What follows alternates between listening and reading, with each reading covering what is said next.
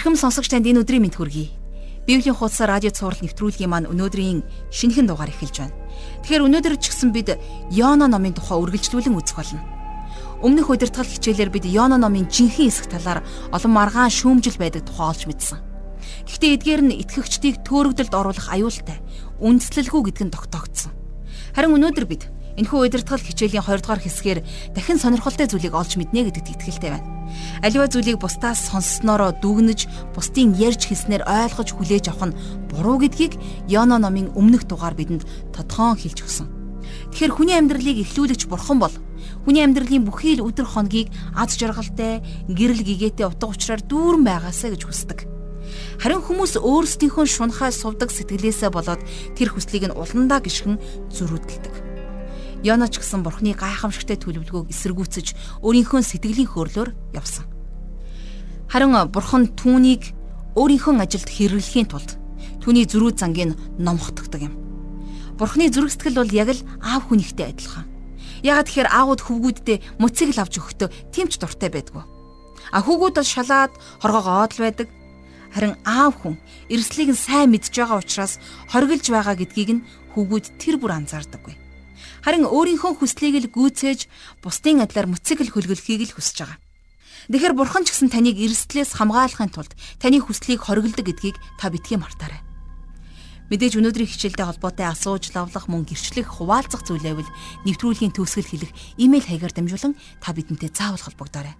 Ингээд хичээлдээ орохоос өмнө энэ цагийг бурхан дөргөн хамтдаа залбирцгаая. Бурхан эзэн минь бид таны үгэнд зүрх сэтгэлээ нээн ирж байна. Энэ номын цаана агуулгадах тэр үнэт эрдэнсийг ухаж гаргахад эзэн таны үгээр замнан хөтлөгдөхөд та бидэнтэй хамт байгаач гэж гуйж байна. Өөрийнхөө зүрхсэтгэлийн хүслийг хязгаарлаж харин таны том төлөвлөгөөг хэрэгжүүлэхэд минь та бидэнд туслаарай. Өдөр бүрийнхээ амьдралыг бид утга учиртай байлгаж цаг мөч бүрийг зөвөөр ашиглахад минь та туслаарай.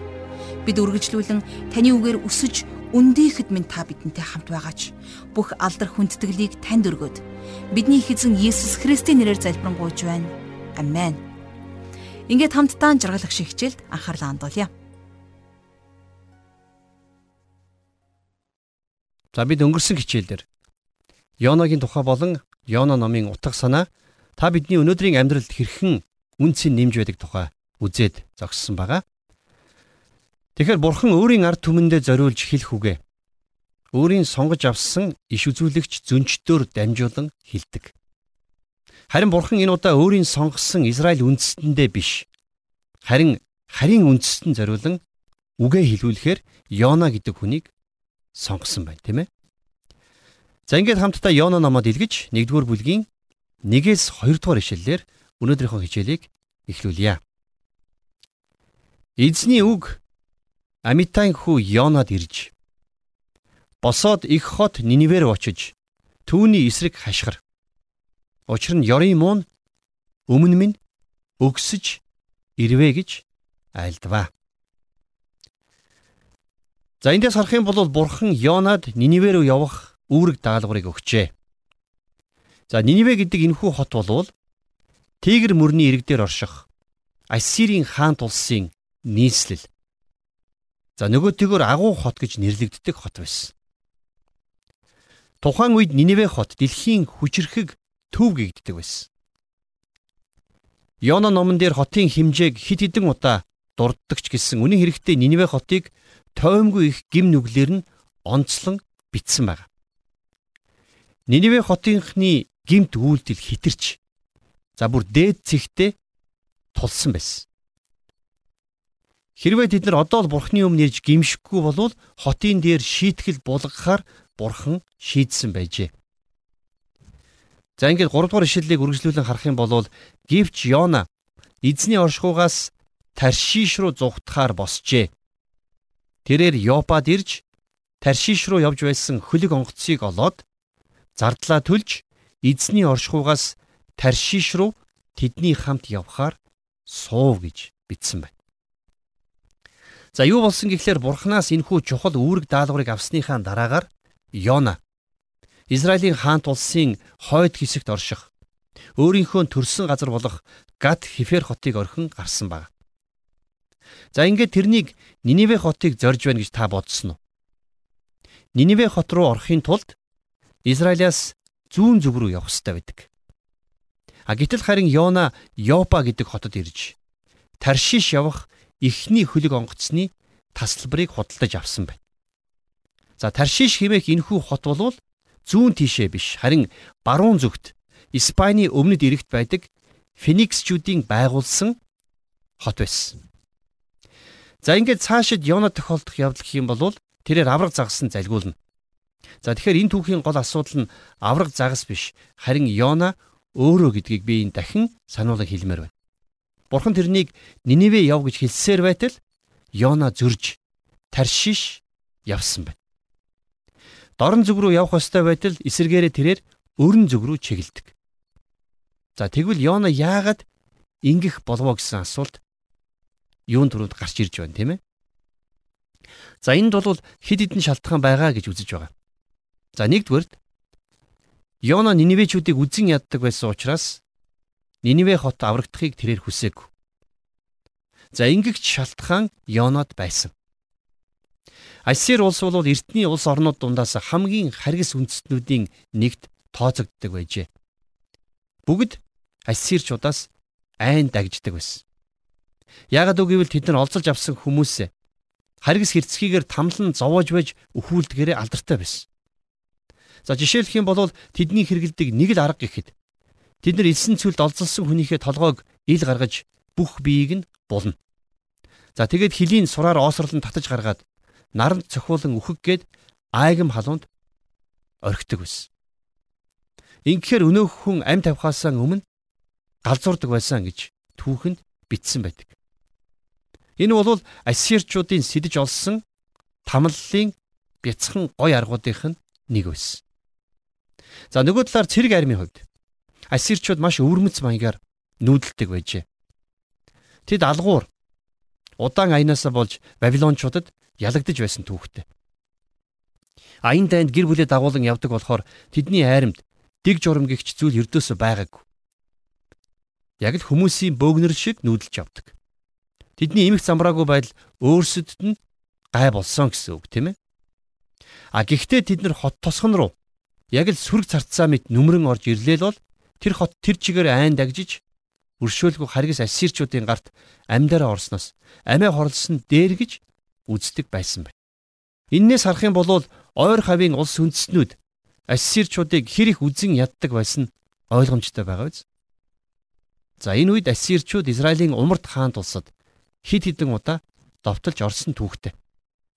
Израиль удаан хугацааны туршид Сир улстай дайсагналцдаг байсан ч гэсэн ассирчуудын занал хийллээс болж тэд хоорондоо нэгдэн хүчээ бэхжүүлэх гэж оролдож байсан ч удаа байдаг.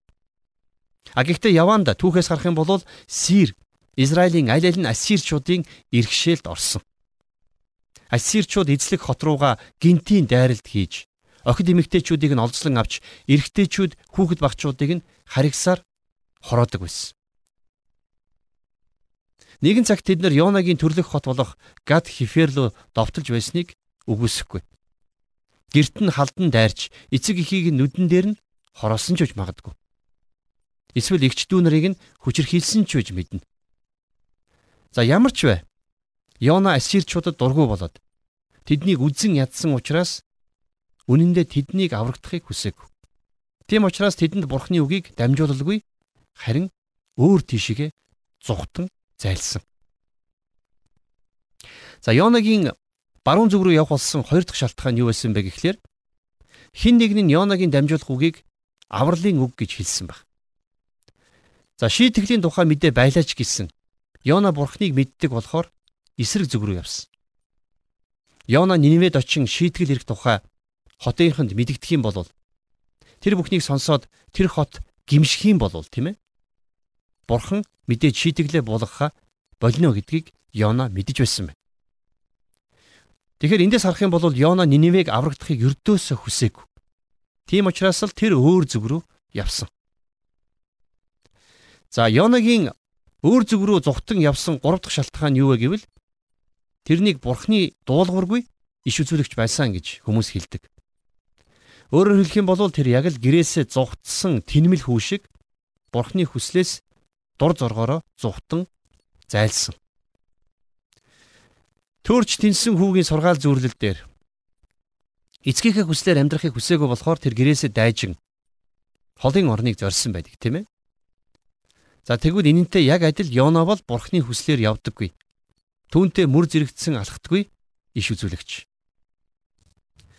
За энэ хүү номын 4-р бүлэг дээрээс Йонагийн энхүү тэрслүү дуулуургүй занг за бас бурхан тэрнийг яаж өөрлөөгөө эргүүлж байгааг бид хамтдаа судлах юм аа.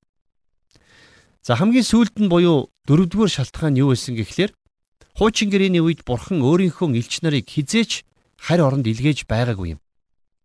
Хуучин гэрээний үед хэрэгэлдэг байсан бурханы арга барил өнөө үеийн арга барилаас огт өөр.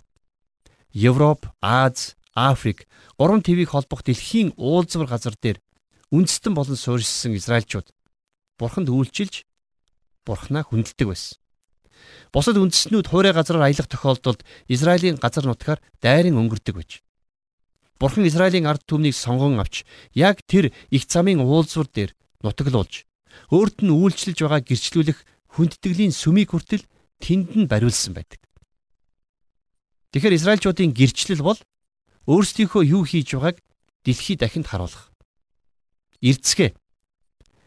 Бурхан эзний өргөөнд хүрэлцсэн ирж түүнд хүндэтгэл үзүүлцгээе гэж урих хариуцлага байсан. Өөрөөр хэлэх юм бол олон үндэстний болзооны газар болсон энхүү уулзвар зам дээр Израиль үндэстэн бурханд үйлчилж дэлхийн ертөнц тэдэн дээр ирэх ёстой байжээ. Та санаж байна уу? Нэгэн цагт Алс холын Шибагийн хатан хаан Соломоны байгуулсан гайхамшигтай Израиль улсыг үзэхээр зорин ирж байсан шүү дээ. Яагаад ингэх болов? Израильчууд өөрийн бурхнаа хэрхэн яаж хүндэлж мөрөгдөг тухай сонсоод тэрхүү Шибагийн хатан хаан өөрийн биеэр үзэхээр ирсэн байна. Гим нүгэлтэн зориулсан өргөлийн ширээ хүртэл тэнд байсан. Ингиж тэр хатан хаан бурхныг таньж мэдэн аврагдсан. Хэрвээ бид нэр түүхэн бичээсүүдийг унших юм бол Соломон хааны мэрэгэн ухааныг сонсох гэж энэ хатнаар зогсолгүй. Өөр бусад хаадууд ч гэсэн зорин ирдэг байсан тухай олж мэдэж болно. За тэр үед Израиль үндэстэн элч нараа гадагш илгээдэггүй харин бусад үндэснүүд тэднийг зорин ирдэг байсан байна тийм ээ. За энэ хүрээд өнөөдрийнхөө хичээлийг өндөрлүүлье. Харин дараагийн хичээлээр Йонагийн тухай Йонагийн бурхантай харилцах харилцааны тухай илүү дэлгэрэнгүй суралцж мэдэх болно.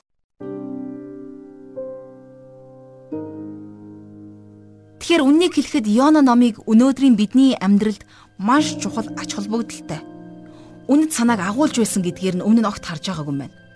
Харин энэхүү удирдахал хичээлүүдээс Йона номыг өөрөөр хардаг болж мөн энэхүү номны үндс нь ач холбогдол, үүний цаанаага бурхны хүсэл, бурхны зан чанараас суралцж байгаа нь үнэхээр сайн хэрэг. Тэгэхээр цаашид энэ номыг үргэлжлүүлэн судалж хэрхэн аргагүй гайхамшигтай ивэл өрөөлийг хамтдаа хүлээн авцгаая.